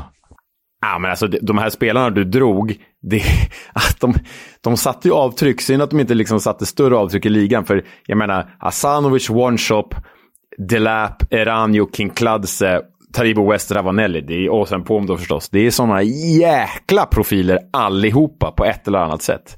Otroligt gäng ju. Jag satt och tänkte på om det var några andra Premier League-klubbar. Det är klart de kan, var ju också profilstarka, men jag tänkte på Tottenham. Kan ju inte skrapa ihop så här många profiler. Inte nödvändigtvis bra fotbollsspelare eller liksom superstjärnor eller att de färgade direkt, men just profiler och namn. Det här är ju hela uppväxten egentligen. Ja, men det, det kanske när Manchester City var skräp, när de hade du vet, så här, Simon och Peter Schmeichel och Anelka och, och, och Kiki Mosampa, den typen av spelare. Men det här är svårbräckt alltså. Det är ett otroligt gäng. Jag säger inte emot. Jag är, jag är tom, jag har inga ord kvar. Fast det har jag. Eh, Derby åkte ur Premier League 2002, konstigt nog. Var tillbaka igen 07-08 när man gjorde den historiskt, då, historiskt dåliga säsongen med blott 11 inspelade poäng. Och sedan dess har man spelat i Championship. Och under hela den här 19-årsperioden har det varit rörigt. Man hamnade i konkursförvaltning 2003, togs över av Peter Gadsbys konsortium 2006, styrdes av Adam Pearson som i sin tur jagade nya investerare. Och det är fyra säsonger man tänker på. Det är 13-14, 15-16, 17-18 och 18-19. Vad har de säsongerna gemensamt? Ja, Derby nådde ju playoff till Premier League alla de säsongerna, men misslyckades med att gå upp. Och det är ju, om jag minns rätt så är det två finaler på de här fyra åren. och jag var ju faktiskt... Ja, jag tror att det är två finaler och två semifinaler. Ja, två finaler och två semifinaler, så är det ja. Eh, Lampard senast där, va, när de förlorade mot Aston Villa, tror jag. Eh, men jag var ju på den första av de här, 2013-2014, på, på Wembley. Eh, min min eh, nuvarande, alltså min fru, hon är ju min fru nu, hon var inte det då, men eh, hon och jag var på den här eh, finalen, Derby QPR. Och eh, vi gick ju dit för att heja lite på Derby, men vi hamn, eller på QPR, men vi hamnade i Derby-sektionen. Och det var ju verkligen så att Wembley var ju helt delat. Alltså halva Wembley var ju blått och vitt och halva, halva Wembley var ju helvitt för, för Derby. Och det är så här i efterhand helt bisarrt att Derby inte vann den här matchen. För de har ju, om jag kommer ihåg rätt, de har 16-1 i skott på mål. 16-1 i skott på mål. Och QPR är det lag som vinner, trots att de är en man mindre halva matchen. Och det efter ett misstag av Richard Keogh i 90 minuten. Om ni kommer ihåg så lät det så här. Bobby Zamora has done it for Queen's Park Rangers. Barclays Premier League. It is hooped heaven at Wembley. The unlikely win to take them back to the big time. He's been called Harry Houdini in the past, but how on earth has he and Queen's Park Rangers pulled this one off? The old stager Bobby Zamora with the goal right at the deck to leave Derby County in a heap. To Ja, nej, det, är bara som, som, det var en av de sjukaste upplevelserna jag haft på en, på en, på en fotbollsmatch, Kisk. Att så här, spela Derby om den matchen och det ser ut så hundra gånger så kommer de vinna de 99 andra gångerna. Det var liksom overkligt att de inte tog steget upp där. Och eh, man ska inte, jag ska inte måla upp Mel Morris som någon hjälte som han själv har gjort på Darbys hemsida. Eh, där allt är guld och gröna skogar. Som den mest skickliga affärsmannen som världen någonsin har sett. Men man lider lite med honom för att det hade förmodligen sett rätt annorlunda ut om de hade lyckats en av de här fyra gångerna. Alltså två av dem var de i final. Ja, ja nej, men då hade ju då hade ju liksom allt varit värt det. Då hade de ju nått Premier League, de hade nått andra sidan staketet, de hade nått det gröna gräset och de hade fått betalt för att liksom slänga pengar i, i sjön. Men när, det är ju det som är felet med den här, hela den här fotbollspyramiden ju, när alla pengar stannar i Premier League och man måste toksatsa för att ta sig upp. Och man misslyckas då, då blir det så här. Eller det blir som Sunderland, eller det blir som Hull, eller Wigan, eller Leeds, eller Pompey. Vi har ju sett det så många gånger. Exakt. Och den här finalen du nämner, det var eh, året efter så köpte han, eh, eller samma år så köpte han 22% av aktierna i Darby och ett år efter tog, tog han över som majoritetsägare. Och han är ju en lokal affärsman som gjort sin förmögenhet på King, alltså företaget som har utvecklat Candy Crush. Dessutom har han sålt en dating för typ miljarden svenska kronor eller någonting. Och ambitioner har ju såklart funnits, men pengarna har bevisligen satsats på fel sätt. Och det är klart att de här fyra missade uppflyttningarna spelar in, liksom nio managers på sex år, samt värvningar som inte burit frukt på det sätt som de kanske borde. Och naturligtvis ska man bära ansvar för dålig koll på finanserna. Som ni vet nu är Darby under konkursförvaltning och trots tidigare misslyckade försök att sälja klubben sägs det nu finnas intressenter. Den senaste i raden som sägs vara ganska nära är Chris Kirchner. Han är vd och medgrundare för Slink.io. Så säger man väl på engelska. Och eh, jag läste senast idag att han, det finns vissa frågetecken för han är inte beredd att betala allt och ditten och datten. Så Darby travar vidare. Men jag har en fråga till dig såklart. Såklart du har.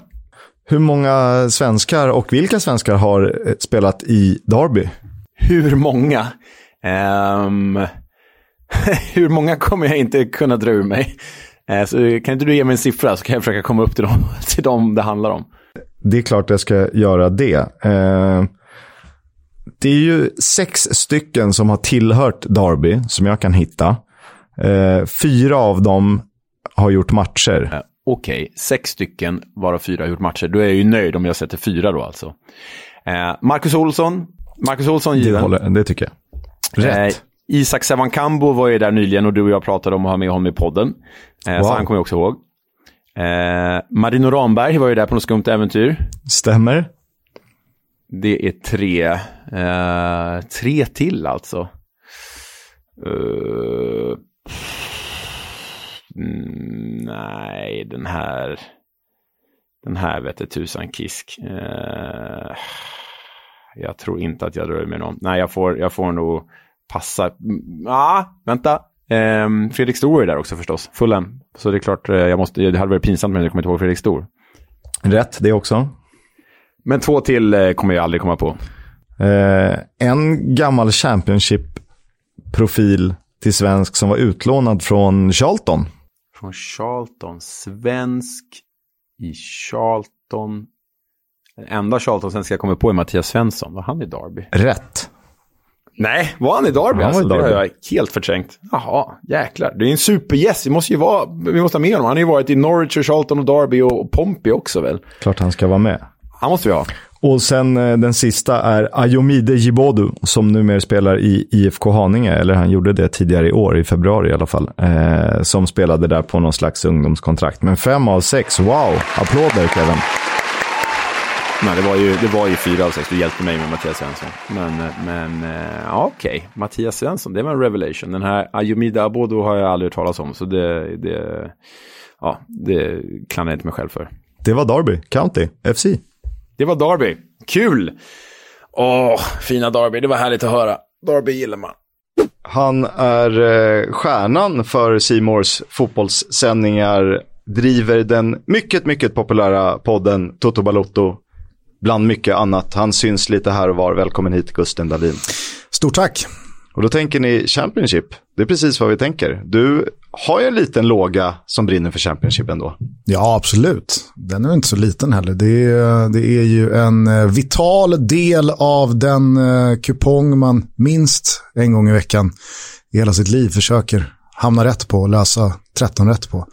Så att eh, man har ju blivit så illa tvungen att eh, alltid ha Championship med sig. Sen så är det väl klart att eh, man av olika anledningar ser mycket färre Championship-matcher per säsong än vad man kanske gör hos fem, sex, sju andra ligor. Men eh, i och med det och att den är en sån konstant så, så hänger man ju med och försöker verkligen eh, ja, men, eh, syna lagen och trenderna i, i, i sömmarna. Sen så är ju det där ett getingbo och ett mentalsjukhus som ingen någonsin kommer kunna få liksom 100% i rätsida på. I synnerhet inte när ens liksom huvudsyfte är att försöka lista ut hur matcherna ska sluta. Det är ju hopplöst. Eh, men eh, det, det går liksom inte att, släppa den helt ändå. Så att, eh, jag, jag lever ett liv där Championship är, är väldigt mycket närvarande. Jag sitter eh, varje vecka och pratar om just den kupong du pratar om, Mm. eh, Stryktipskupongen, och då brukar det vara ungefär 7-8 Championship-matcher generellt sett. Och ena veckan har man ju sju rätt på de matcherna och nästa vecka har man inte lika många rätt. Så att, eh, det är en hemsk upplevelse. Jag skulle snarare säga att alltså, är det sju Championship-matcher så är det sällan man har sju rätt. Och det är sällan man har noll rätt. Man brukar ligga och pendla mellan tre och fem rätt konstant. Liksom. Så att, äh, jag, jag, har, eh, jag har så förtvivlat svårt. I synnerhet när det spelas Championship-fotboll på eh, vardagar. Ja, det Det, det, är ju sällan matcher som är med på Stryktipskupongen. Jag är medveten om det. Men om man, om man liksom bortser från det och går till de Championship-matcher som ibland är med på Europatipset. Eller om man bara liksom, eh, är lite oddskåt och vill trycka upp någonting i, eh, i, i, i oddsväg på någon Champions League-kupong eller något liknande som man bygger ihop. Och så ska man ta med sig en Championship-match. Det, det, det är helt det är helt sanslöst hur de där midweek-omgångarna slutar precis tvärtom mot vad man tror. Helt sant. Ja, då har vi ju bara exempel nu från förra veckan där Derby luggade fullen på poäng, till exempel. Tipsextra och tipslördag sitter väl djupt rotat antar jag, så, i uppväxten. Ja, absolut. Sen var ju jag minst lika torsk på Uno Kryss Due och, och det italienska stryktipset som det en gång i tiden hette och söndagarna med Klas Åkesson och Thomas Nordahl och gänget. Men eh, nej, absolut. Jag har varma minnen från ofta hemma hos mormor och morfar på lördagar eh, när det var tipslördag. Peppe Eng och Billy Lansdown och, och gänget. Eh, för då var det också två lopp tror jag från eh, hästarna. Mm. Om det var i paus eller om det var direkt efter matchen, det borde väl rimligtvis kanske ha varit dagens dubbelloppen. Eh, men nej, det, var ju, det var ju superhärligt och, och så var det väl eh, någon, eh, någon era där innan Kanal Plus tog över där Premier League liksom var för dyrt för TV4 så att man fick nöja sig med Championship. Så det och var ibland ju, lite greyhound. Ja, absolut. Och absolut. skotska ligan hade de ju där ett tag också. Ja, nej, men det, var, det var ju aldrig Premier League. Det var ju Nej. det som var så liksom... Jag- jag tycker ofta folk glömmer den lilla detaljen när man pratar om hur djupt rotat eh, liksom engelsk fotboll och, och i synnerhet då Premier League är i nordbor, svenskar, norrmän och så vidare. Men jag och ni till viss del, ni tillhör en generation, vi tillhör en generation där huvudmatcherna, det var ju Championship. Alltså, det, det, var ju, det, det kändes nästan ouppnåeligt att få liksom, Manchester United eller Liverpool eller Tottenham eller Arsenal. Liksom. Ja, nej, nej. Det var ju, det var ju Birmingham mot Ja. Luton typ. Liksom. Exakt. Oftare då än nu upplever jag också. Eh, så var det ju orangea, gula bollar och det var snöigt och man pratade om liksom nu går de in och dricker te i paus. Och man fick väl en liten flash av det här nu i eh, var? Burnley-Tottenham. Ja, exakt. I söndags, va? Burnley-Tottenham som snöade in. Och, Har ni sett Sean Dyche när han går ut där och tittar på, nu blir det en liten Premier League-referens här, men har ni sett när han går ut och tittar på plan och ser så jävla nöjd ut? I långärmad skjorta och slips. Endast. Och nu, nu är ju ni på väg in i det som han eh, fick en fråga kring på presskonferensen igår. Jag vet inte om ni såg det. Jag såg det Jag såg klippet det. i morse. Eh, där han sätter sig då inför matchen mot Wolves och första liksom tre, fyra, fem frågorna på presskonferensen handlar om det här. Att han gick ut i skjorta i snökaoset. Och han på sitt väldigt älskvärda sätt med sin väldigt älskvärda röst liksom verkligen frågar. Är, är, är det här det vi ska sitta och prata om? Alltså, vi, vi, jag bedriver en, en, en Premier League-klubb här. Vi spelar en viktig match imorgon mot Wolves. Och ni vill prata om att jag hade en skjorta på mig i en snöstorm. Är, är det liksom på den nivån, vi, är det dit vi har kommit journalistikmässigt? eh, men han, alltså, han sa det på ett ändå nice sätt. Det var liksom inte att han, han tryckte ner reportrarna i, i skorna. Men jag tyckte han ändå satte fingret på någonting att så här, ja, det tenderar ju faktiskt att bli lite för stort, lite för ofta med sådana här banala, triviala grejer. Att, alltså, jag, jag, jag, jag fattar att han och väldigt många från den aktiva sidan är så här, ja, jag hade en skjorta på mig, men det var för två dagar sedan. Kan vi inte, alltså så här, är det det vi ska sitta och prata om? Och sen får han ju massa följdfrågor om kommer ni att träna inomhus eller utomhus och det är uppvärmda planer. Och han gör det otroligt professionellt för att han är ju aldrig elak. Han visar bara på sitt karaktäristiska sätt att eh, den här frågan borde du aldrig ha ställt. Men jag repeterar den åt dig och så får du svaret på ett lite Exakt, han säger väl något i stil med, okej, so that's where we're going. och så fortsätter han. Men när vi ändå är på Turf Moor, jag hade tänkt fråga om det lite senare, men när vi ändå är på Turf Moor och pratar Burnley. Burnley är ju, om man ser till vad Premier League är idag, den här liksom cirkusen och mediamonstret som det har blivit. Burnley är ju anomalin. Det som är annorlunda, det som står ut, det som liksom påminner om det som en gång var. Mm. Gillar du att det finns plats för ett sånt, vi säger en sån Championship-klubb i dagens Premier League? Eller vad känner du kring det? Ja, absolut. Det är väl eh, olikheterna och kontrasterna som också gör Premier League så ja, men intressant som den är. Det är, ju- det, är, det är ju Burnley och Watford och Crystal Palace och de lagen som gör Big Six-matcherna speciella och sexiga och varför man liksom verkligen vill se City mot Chelsea. Hade det varit City mot Chelsea varje vecka, alltså sådana klubbar som möter sådana klubbar, ja då är vi ju i Super League-diskussionen. Då blir ju allt bara urvattnat och allt bara blir vardag. På samma sätt som att de lagen och de klubbarna och de världsspelarna och de enorma skillnaderna som finns ekonomiskt mellan klubbar behövs ju också. För att annars så är det ju Championship. Och av många anledningar, men kanske framför allt den, så är jag nog eh, en del av eh, så som väldigt många följer Championship. Att man kan se någon match här och där. Men det blir ju outhärdligt att sitta och kolla på Luton mot eh, Bristol City. Alltså, jag kan inte se den matchen fyra gånger i veckan. Den är sjuk att välja. Ja, men 45 veckor om året. Det går inte. Det går inte. Det är för liksom, för kargt, för brunkigt, för liksom kast. Så att, jag vet inte, det, det, är väl, eh, det är jättehärligt att det finns plats för lag som Burnley i Premier League. Jag vill inte ha jättemånga fler, jag vill inte ha jättemånga färre. Eh, jag tycker att Premier League har hittat en ganska liksom så bra spridning i vilka typer av klubbar som finns i den serien. Jag tycker också att det är jävligt härligt att Burnley-lagen alltid har en möjlighet att slå de bästa lagen någon gång här och där för att de spelar en typ av fotboll som de här världs spelarna och världslagen kan ha svårt att bryta ner. För de, de, de ställs inte sådär jävla ofta mot sådana typer av spelare eller försvar. Så att, äh, jag, jag, jag gillar Burnley, jag gillar Turf Moor, men eh, inte liksom till någon överdrift att jag ska liksom tatuera Sean Dyche nun över ryggen och gifta mig i mittcirkeln på Turf Moor. det är nog inte så många som gör. Nej, det, är, det ligger långt borta. Burnley är vad de är. Men det är rätt roligt hur du beskriver det här med Luton, Bristol City. För så känner man sig själv ibland. Nu har ju vi det delvis som ett yrke i och med att vi gör den här podden. Men har vi hade inte väldigt... gjort det om inte vi tyckte det var kul heller. I alla fall inte jag. Såklart. Nej, det, då, då är det helt omöjligt. Men du bevakar ju, eller rapporterar mest Champions League, La Liga och Serie A i dina tv-uppdrag. Mm, precis, det är väl väldigt mycket så. Hur, eh, hur mycket Premier League hinner du se emellanåt? Eller engelsk fotboll överlag då? Nej, men jag försöker se jättemycket eh, engelsk fotboll och Premier League. Det är ju en serie som, eh, även fast jag eh, älskar eh, dels den svenska fotbollen och allsvenskan i synnerhet. Eh, jag håller på Roma och det är väl det enda laget jag, liksom, jag verkligen håller på. Eh, och, och brinner för Serie A och den italienska fotbollen så är man ju uppvuxen med Premier League.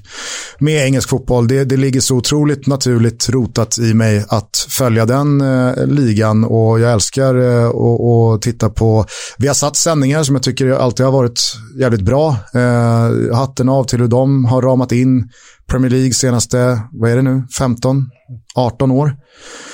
Eh, så att, nej, jag, jag försöker se jättemycket Premier League. Sen så är det ju svårt i och med att jag jobbar ganska långa pass på söndagar med de uppdragen du eh, nämner, La Liga och Serie A. Och med mig. Och med Leo. Eh, så då är det väl klart att det har blivit mindre, men eh, idag så, och sen några år tillbaka så går det ju att se sändningar och se matcher med 48 timmars tidsfrist efter att de har eh, slutat via de olika streamingtjänsterna. Och där eh, är jag en frekvent eh, nyttjare av, eh, av den tjänsten, så att, eh, det är många sena söndagkvällar eller eh, måndagar som jag ser om eh, sändningar och, och, och matcher och jag försöker alltid uppdatera mig med, jag tycker att, jag tycker att Viaplay är jävligt bra på att liksom lättillgängligt tillhandahålla highlights-paket från matcher. Eh, jag tycker att eh, man, i synnerhet när Erik Niva eh, och Martin Åslund sitter i studion, eh, så, så får man med sig väldigt mycket av att bara liksom se studiodelen eh, och highlights. Men det är klart att det har blivit mindre Premier League senaste året sen jag dels eh, har växlat upp hos TV4 och Simor men också sen jag lämnade Dobb och eh, Fantasy-TV som jag gjorde där i fem år. Eh, för då, då föll det sig naturligt att man verkligen gjorde jobbet och kollade så mycket det bara gick. Eh, så att, nej, jag, jag, jag följer jättemycket engelsk fotboll. Utöver all den jag försöker göra pengar på med spel och dobbel. du eh, är ju romanista, det vet vi. Skulle du kalla dig italofil eller bor en anglofil i dig någonstans? Absolut. Nej, men jag, jag ser mycket hellre Everton mot eh, Leicester än jag ser Genoa mot Udinese. Det var ju typ det sämsta, sämsta du kunde hitta i Italien. Jo, men tycker du Everton är roliga att titta på ja, för tillfället? Det är ändå ett powerhouse, men visst. Okej, okay. jag, jag ser hellre Crystal Palace mot Watford ja, än eh, Spezia mot eh, Genoa. Ja, det är mer, ja, den köper jag. Eh, så att, nej, alltså jag, jag, jag tycker inte det där behöver heller liksom så här, ta ut varandra. Jag upplever eh, ganska ofta att folk är så jävla låsta vid sina preferenser. Bara för för att man eh, håller på eh, Real Madrid eller eh, Inter eller Bayern München eller eh, Tottenham så är det som att man ska liksom, då ska man, då ska man dissa det man inte kommer ifrån. Ja, jag tror att väldigt många är som jag och jag tror att det är en stor anledning till att Toto Balutto är en sån stor och uppskattad podcast som det är. Att väldigt många fotbollsintresserade personer i det här landet, de tycker det är kul med Premier League, de tycker det är lite kul med Serie A, de tycker det är roligt att följa Champions League och man gillar när det är landslagssamling och se Sverige och alltså, folk är ju sådär som folk är mest. Sen är det klart att det finns extremfall åt ena och andra hållet, men de är oftast jävligt högljudda. Jag har liksom inga problem med att säga att jag älskar Roma och Serie A och följer den eh, ligan jättenära. Men jag tycker det samtidigt är skitkul med Premier League. Det, Ja, jag har faktiskt också alltid stört mig på den där diskussionen huruvida liksom, vilken liga man väljer vilken man håller på. Gillar man italiensk fotboll ska man inte gilla engelsk och tvärtom. Fan, fotboll är ju fotboll, det är samma språk oavsett var man är någonstans. Liksom. Sen absolut så, så, så, har jag inga som helst problem med att någon säger nej men engelsk fotboll och Premier League, det är inte för mig. Jag älskar Italien, jag älskar Serie A, det är den enda ligan jag bryr mig om. Okej, okay, bra, fine. Men det är just det där som du är inne på och som jag också försökte närma mig. Den här jag vet inte, man känner sig nödgad att liksom sträcka upp handen och ropa ut att Premier League är piss eller La Liga är bajs eller ja. Serie A, det är bara liksom, det är på det sättet. Äh, vad fan, alltså det... Det är lite som om man håller på Tottenham, då ska man försvara varför Everton gör en dålig match i Conference League eller något annat lag som är ute där.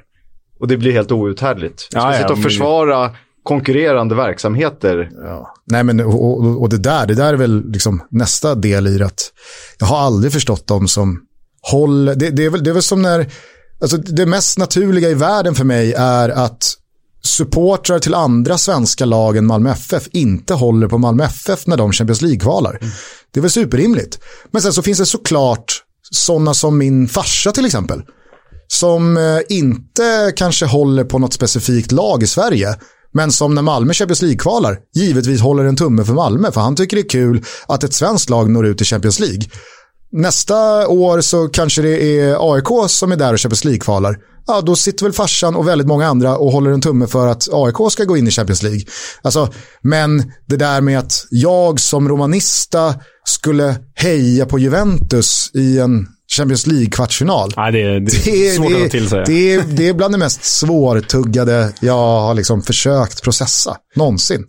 Du, um, har du varit mycket på plats eh, i England och kollat på fotboll? Nej, alltså sett till eh, liksom, mitt intresse för Premier League och engelsk fotboll så har det blivit eh, alldeles för lite. Men eh, det är väl också för att de gånger man har fått välja och kunnat och haft råd och liksom alla stjärnor har stått rätt så har jag prioriterat Roma och Italien.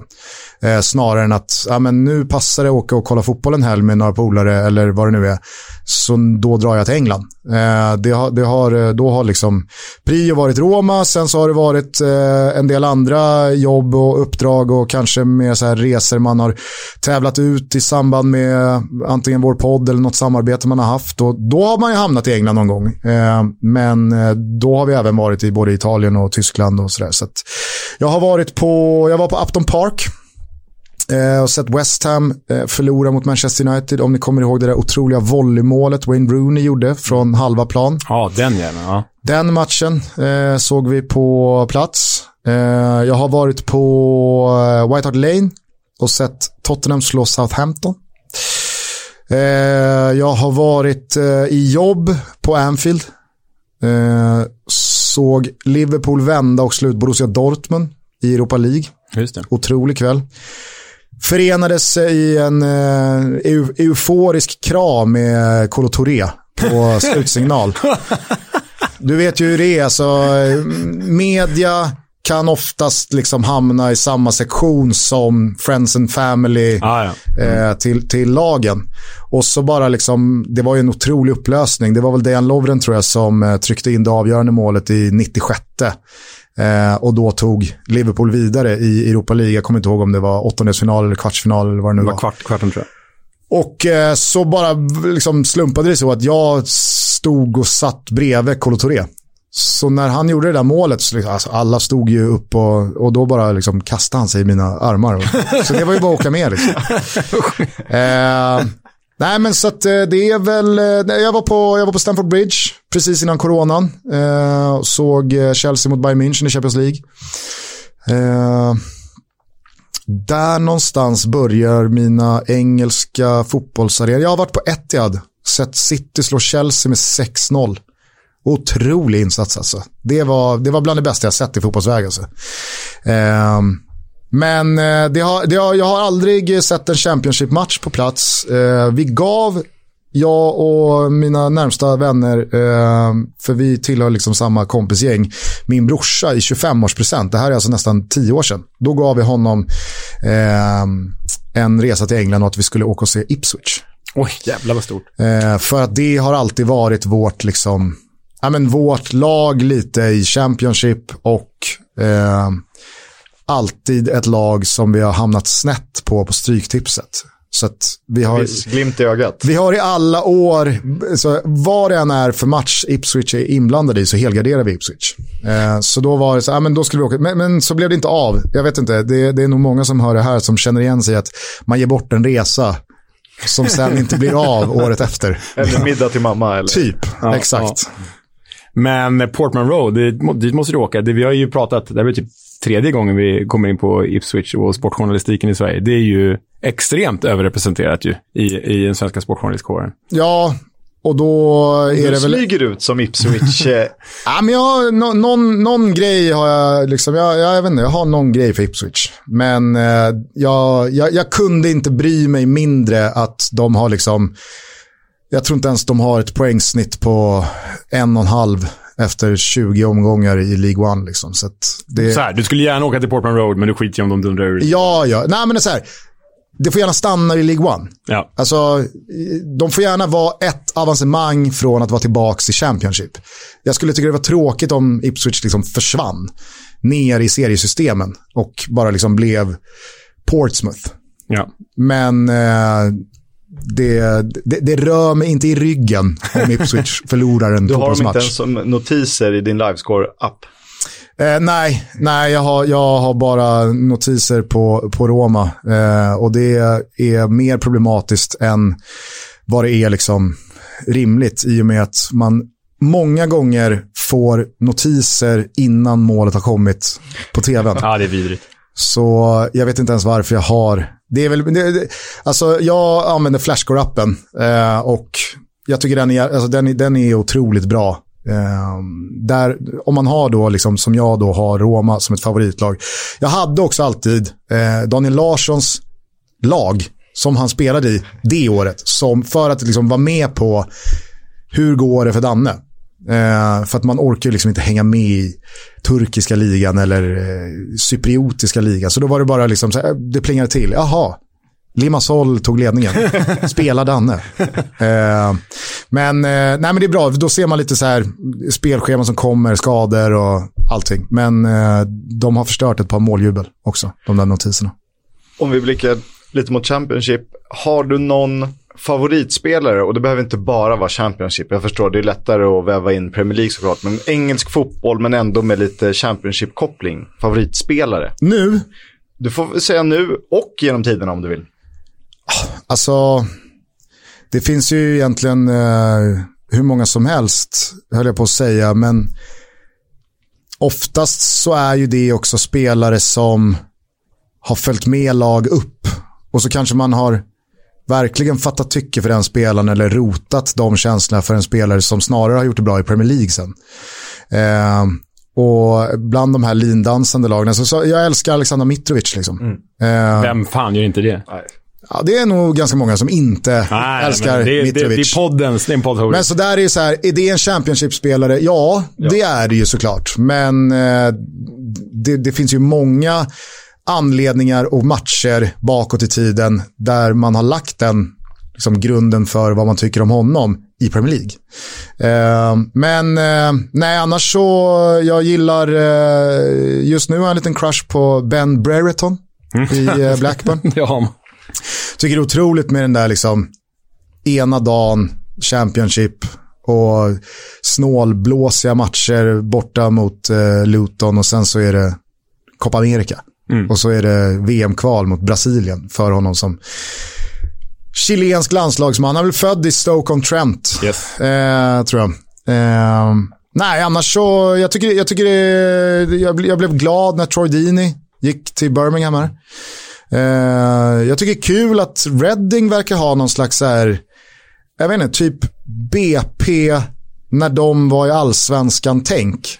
De letar lite i så här skadat godslådan. Football manager, nykomling utan pengar. Liksom. Ja, men typ. Alltså, nu är det väl både Andy Carroll och Danny Drinkwater och... Alen Halilovic. Ja. Junior nej, men, Hoylet. Junior Hoylet. Exakt, Hoylet är där också. Det, är, jag vet inte, det, det tycker jag är kul.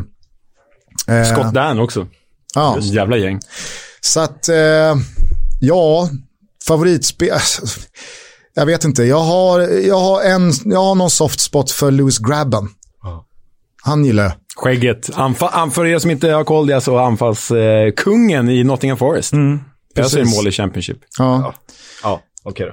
Jag har gjort i alla fall. Ja. Gör en liten cameo i första säsongen av Sunderland till I Die. Jag gillade, jag, jag led som fan med han med skada, men jag tycker Bradley Dack. Blackburn. Ja. Han är ju Otroligt. tillbaka i full träning nu. ja, men det måste ha varit, han måste ha varit borta ett och ett halvt år alltså. Ja, ja.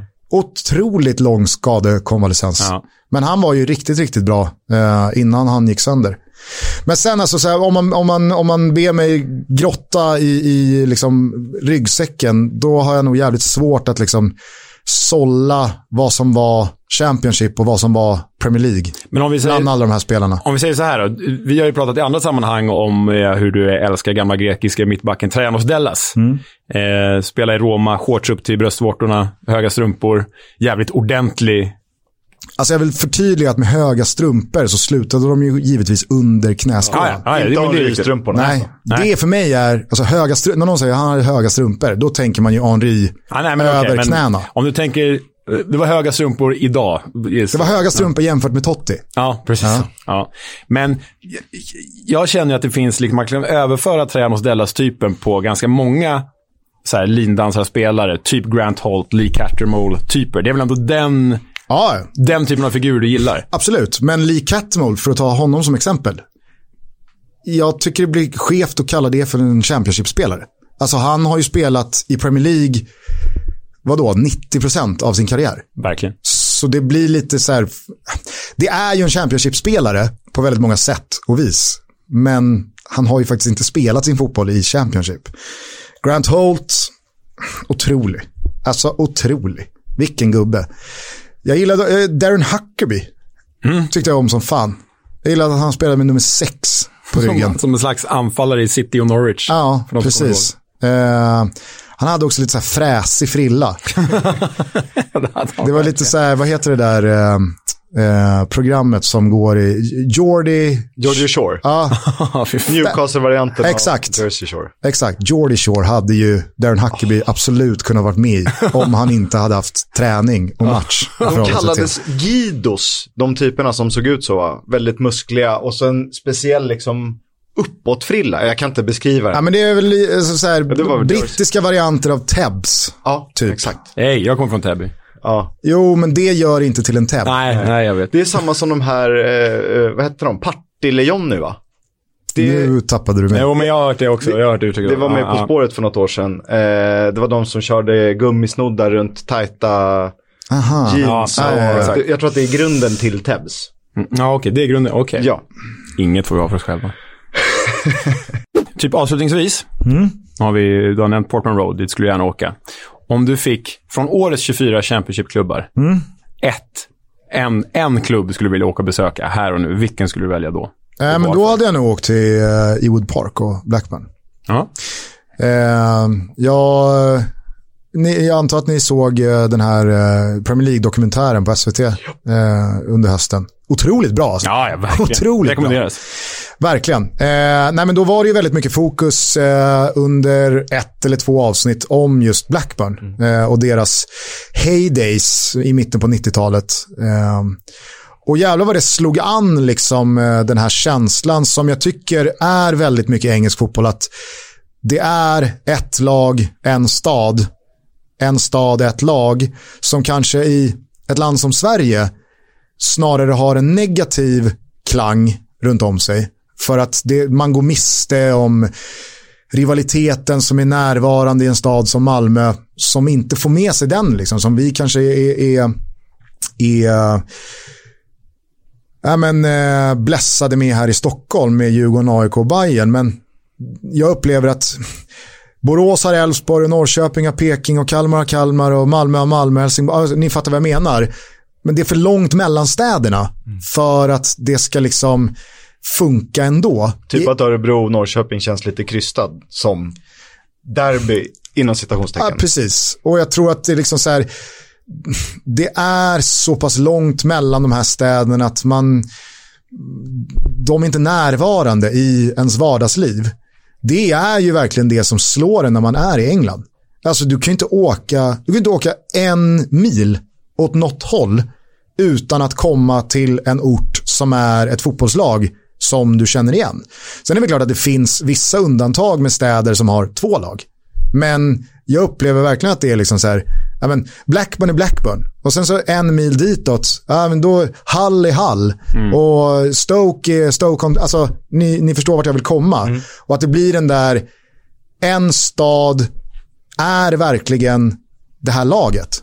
Och vad det gör med en stad när en klubb som då Blackburn helt plötsligt börjar konkurrera med de absolut bästa klubbarna och de går och vinner en ligatitel. Men också vad som händer med en sån stad när de dagarna till slut är räknade. Och den här liksom, ja men Leeds är väl ett senare exempel. Blackburn var det då. Jag blev, jag blev, så jävla tagen av den här depressionen som då så här, nu har vi bara minnena liksom. Nu har vi bara minnena kvar för att nu är det liksom, kanske om vi får träff någon gång på tio försök så kanske vi tar oss till Premier League. Men förmodligen så kommer vi braka ur Premier League direkt. Men vi löper absolut lika stor risk att någon gång på tio försök i Championship få helt fel säsong. Skador, någon tränare som måste gå, man sätter inte nästa och den där onda spiralen börjar snurra och sen så hamnar man i League One. Och, så är det, Och det liksom... händer de ju. Det händer ju just Blackburn. Precis, och jag menar kolla på Sunderland. Ja. Alltså, det var Fjärde säsongen nu. Och det är väl många som eh, lyssnar på det här som följde Sunderland till die på samma sätt där. Att liksom, det blir som att här, men vi, vi kan inte åka ur Championship. Alltså, det går inte. För kommer vi till League One, alltså, då är det, alltså, då ligger vi jävligt illa till. Just den där, ja, jag vet inte, det finns någonting med den där staden som är så förknippad med laget, som är så liksom definierande av hur det går och så har man den där liksom ryggsäcken av en framgång som nu är vadå, 26 år sedan. Men det är fort, alltså, man vet ju hur många som sitter i Blackburn och fortfarande tänker på de där dagarna. Ja. Så att, nej, då, hade jag, då hade jag åkt till eh, Blackburn och gått på Ewood Park. Den ligger, den ligger fan högt upp på min också kan jag meddela. Det är klart vi ska dit. Jag trodde du skulle svara Barnsley faktiskt. Men um, den kanske är topp eh, tre. För, de, för deppigt. Nej, jag vet inte. Jag tror alltså, någonting säger mig att vi kommer få, man, man, man kommer få sin barnslig fix. Så det räcker och blir över kommande ett och ett halvt år. Ja, tack för det. Tack själva. Sjukt roligt att ha det här. Keep up the good work, får jag säga till dig. Ja, detsamma. detsamma. Kör hårt eh, och eh, så misstänker jag att eh, ni har bråda dagar här i december. När Championship växlar upp. Vi får se hur vi löser det. Men det Jag är alldeles kallsvettig. Det blir, det blir bra. Jätteroligt att ha Gusten här. Kul att han gillar Championship. Kul att han gillar podden. Och vill man lyssna på hela vårt samtal med Gusten som eh, bryter lite ramar med eh, fotbollen, allt från Premier League till eh, League 2 och Grimsby och allt vad det är, så kommer det släppas till helgen. Det har blivit dags för det nya, ganska populära segmentet har vi fått höra från er lyssnare. Det kallar vi för...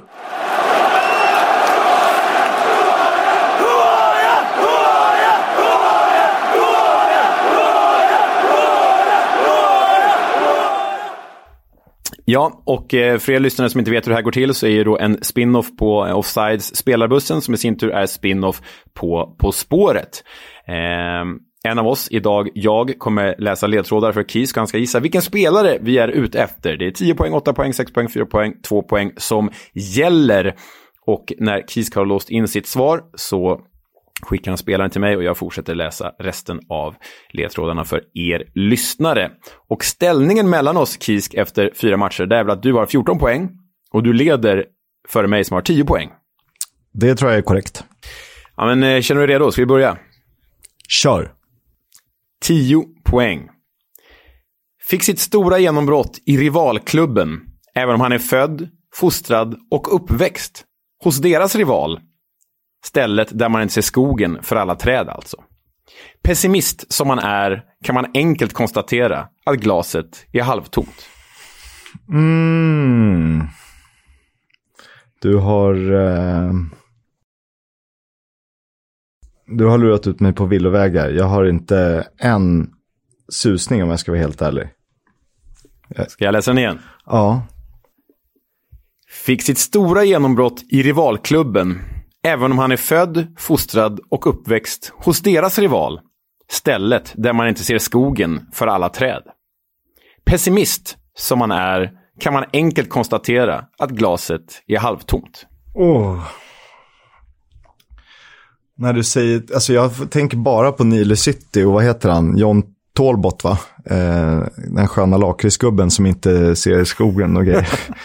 eh, det enda jag kan komma på om ni vill höra hur jag resonerar är ju att skog skulle ha något att göra med Forest. Då skulle det vara i Nottingham, alltså misstänkt någon spelare som har gjort det bra i Derby.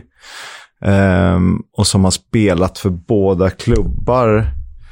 Ja, den är, den är klurig. Jag kommer inte ta det här, så det är fritt fram att gå vidare. Åtta poäng. Just Sherwood fick han anledning att stöta på igen. Dock i fotbollssammanhang. Lämnade senare City för en flytt tillbaka till rivalklubben. Där blev det mest e- efterhängsna skador och en finalförlust.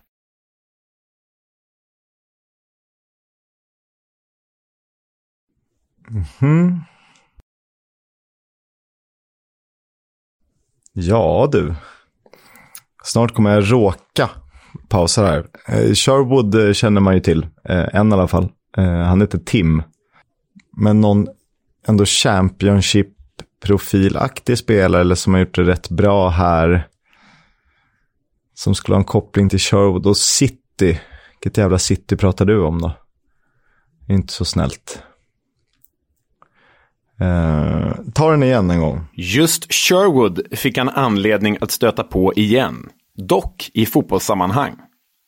Lämnade senare City för en flytt tillbaka till rivalklubben. Där blev det mest efterhängsna skador och en finalförlust. Mm, nej, jag, jag har inget alternativ. Jag har inga bra resonemang. Okej, okay, vi går vidare. Sex poäng. Vår spelare har spelat El Clafico med sig själv, för att förtydliga. Hans namn vittnar om att eh, prisskåpet är tomt, men det stämmer inte helt. Även om finalförlusterna är dubbelt så många som titlarna. Hade han spelat El Clasico eller El Clafico? El Clafico.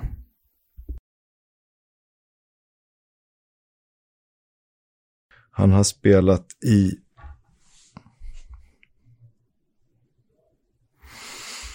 Mm.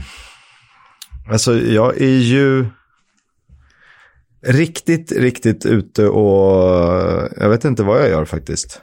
Ska jag läsa sexan igen? Ja, men du får gärna göra det. Vår spelare har spelat El Clafico med sig själv. Trots att namnet vittnar om att prisskåpet är tomt så finns det faktiskt titlar. Även om finalförlusterna är dubbelt så många. Ja, du har verkligen eh, satt mig på pottan här. Du får fortsätta, annars det är ju jag som ska skämmas. Fyra poäng. I ärlighetens namn har det väl gått halvbra för honom karriären igenom. Men han kanske är mest känd för att ha samlat in pengar mot cancer genom att låta håret växa mellan hans mål i Premier League 2011 och 2013. Det ena för Tottenham. Det andra för den klubb dit han ledde en massexodus av Spurs-spelare där Dawson, Livermore och Mason följde i hans fotspår.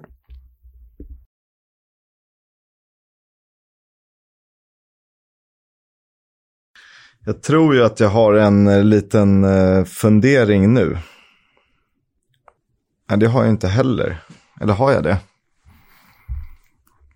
Alltså den enda som jag kan komma på som skulle ha gjort det här, som spelat för både Nottingham och Derby och gjort mål för Tottenham och eh, har spelat i Hall, är ju en stor mittfältare som vi tycker väldigt mycket om. Eh, storvuxen och med två fantastiska fötter. Eh, jag låser in här och skickar till dig. Två poäng. Stonehenge ger dig ena delen av namnet. Team Huddle ger dig andra delen av namnet. Prisskåpet är som sagt inte särskilt fullt. Det är snarare... Tom Huddlestone. Ja, helt rätt Kisk. Snyggt! Tom Huddleston, fyra poäng. Ja, det borde jag ha tagit på tio bara för att. Det gör att totalställningen just nu är 18 poäng till Kisk och 10 poäng till mig. Jag har dock en match mindre spelad. We'll have a chat about the fucking game. About your game, last few months, last few weeks. Fucking character. Vi eh, hyllar Neil Warnock, en man vi hatälskar på något eh, härligt sätt. Han är inte aktiv tränare just nu, men han är en ständig källa till underhållning. Eh, Leo, du har grävt i arkivet. Ja, alltså vi saknar honom som sagt och därför har vi skrapat fram lite sekvenser från när han står på sidlinjen i Sheffield United för över tio år sedan och eh, står är väldigt förbannad på domarna. Och det är bara härligt att höra Neil Warnock när han eh, är väldigt utåtagerad och aggressiv helt enkelt. In a goalless first half, a challenge by Stoke centre forward Adi Akinbaye goes unpunished by the officials. Fucking now. Hey! Hey! Have a fucking word with him then, ref! Hey! Lino! Lino! You've got to fucking see that! Hey! Lino, how do you work that one out? Hey? You've got the same view as me, yeah? When he's got a fucking hand on him, a yard or two yard away. You've got the same view. Fucking hell, he's trying his fucking best. Ja, vad säger du Kisk? Det är en riktigt förbannad jävel här alltså. Nu känner man att man saknar honom. man gör... Mer och mer för varje vecka. Ja, man gör ju det. Man gör ju det. Han får komma tillbaka. Ja, det får vi, vi får se till att han gör det. Det har blivit dags att tacka för oss för den här veckan. Så tack till Stryktipset som är med och sponsrar och tack till alla er som fortsätter att lyssna på podden. Vi tycker väldigt mycket om er. Och så ska vi inte glömma en sak, som vi alltid gör. Ja, det är ju, du ska ge mig en klubb att berätta om. Det ska jag. Och vi har en speciell gäst nästa vecka. Vi kommer inte avslöja vem än. Men eh, du ska få prata om Wigan Athletic. Mm. Nu visste jag att det här skulle ja, komma. Jättedåligt skådespeleri. så jag var, jag var inte så nervös inför just det. Men det blir väl roligt att knyta an klubben som, eh, till, till vår gäst. Att liksom börja med klubben och sen följa med, få gästen berätta om, om sina upplevelser i klubben. Där fick ni en liten ledtråd i alla fall. Och vi har lovat att vi ska dyka ner i League One och det blir oundvikligt när Championship-klubbarna tar slut på sikt. Mm. Eh, men det blir en andra. Jag vet ju att eh, Jonas Dahlqvist har kallat eh, Wigan för Englands största parkeringsplats. Så vi får ta avstamp i det helt enkelt. Wow. Adjö. Upptäckta vägar, de han tar. När det regnar kallt och ibland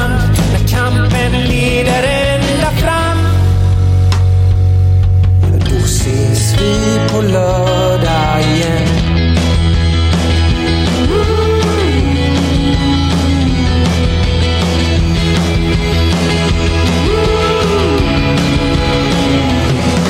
Min son, min son, du kommer väl aldrig bli som jag.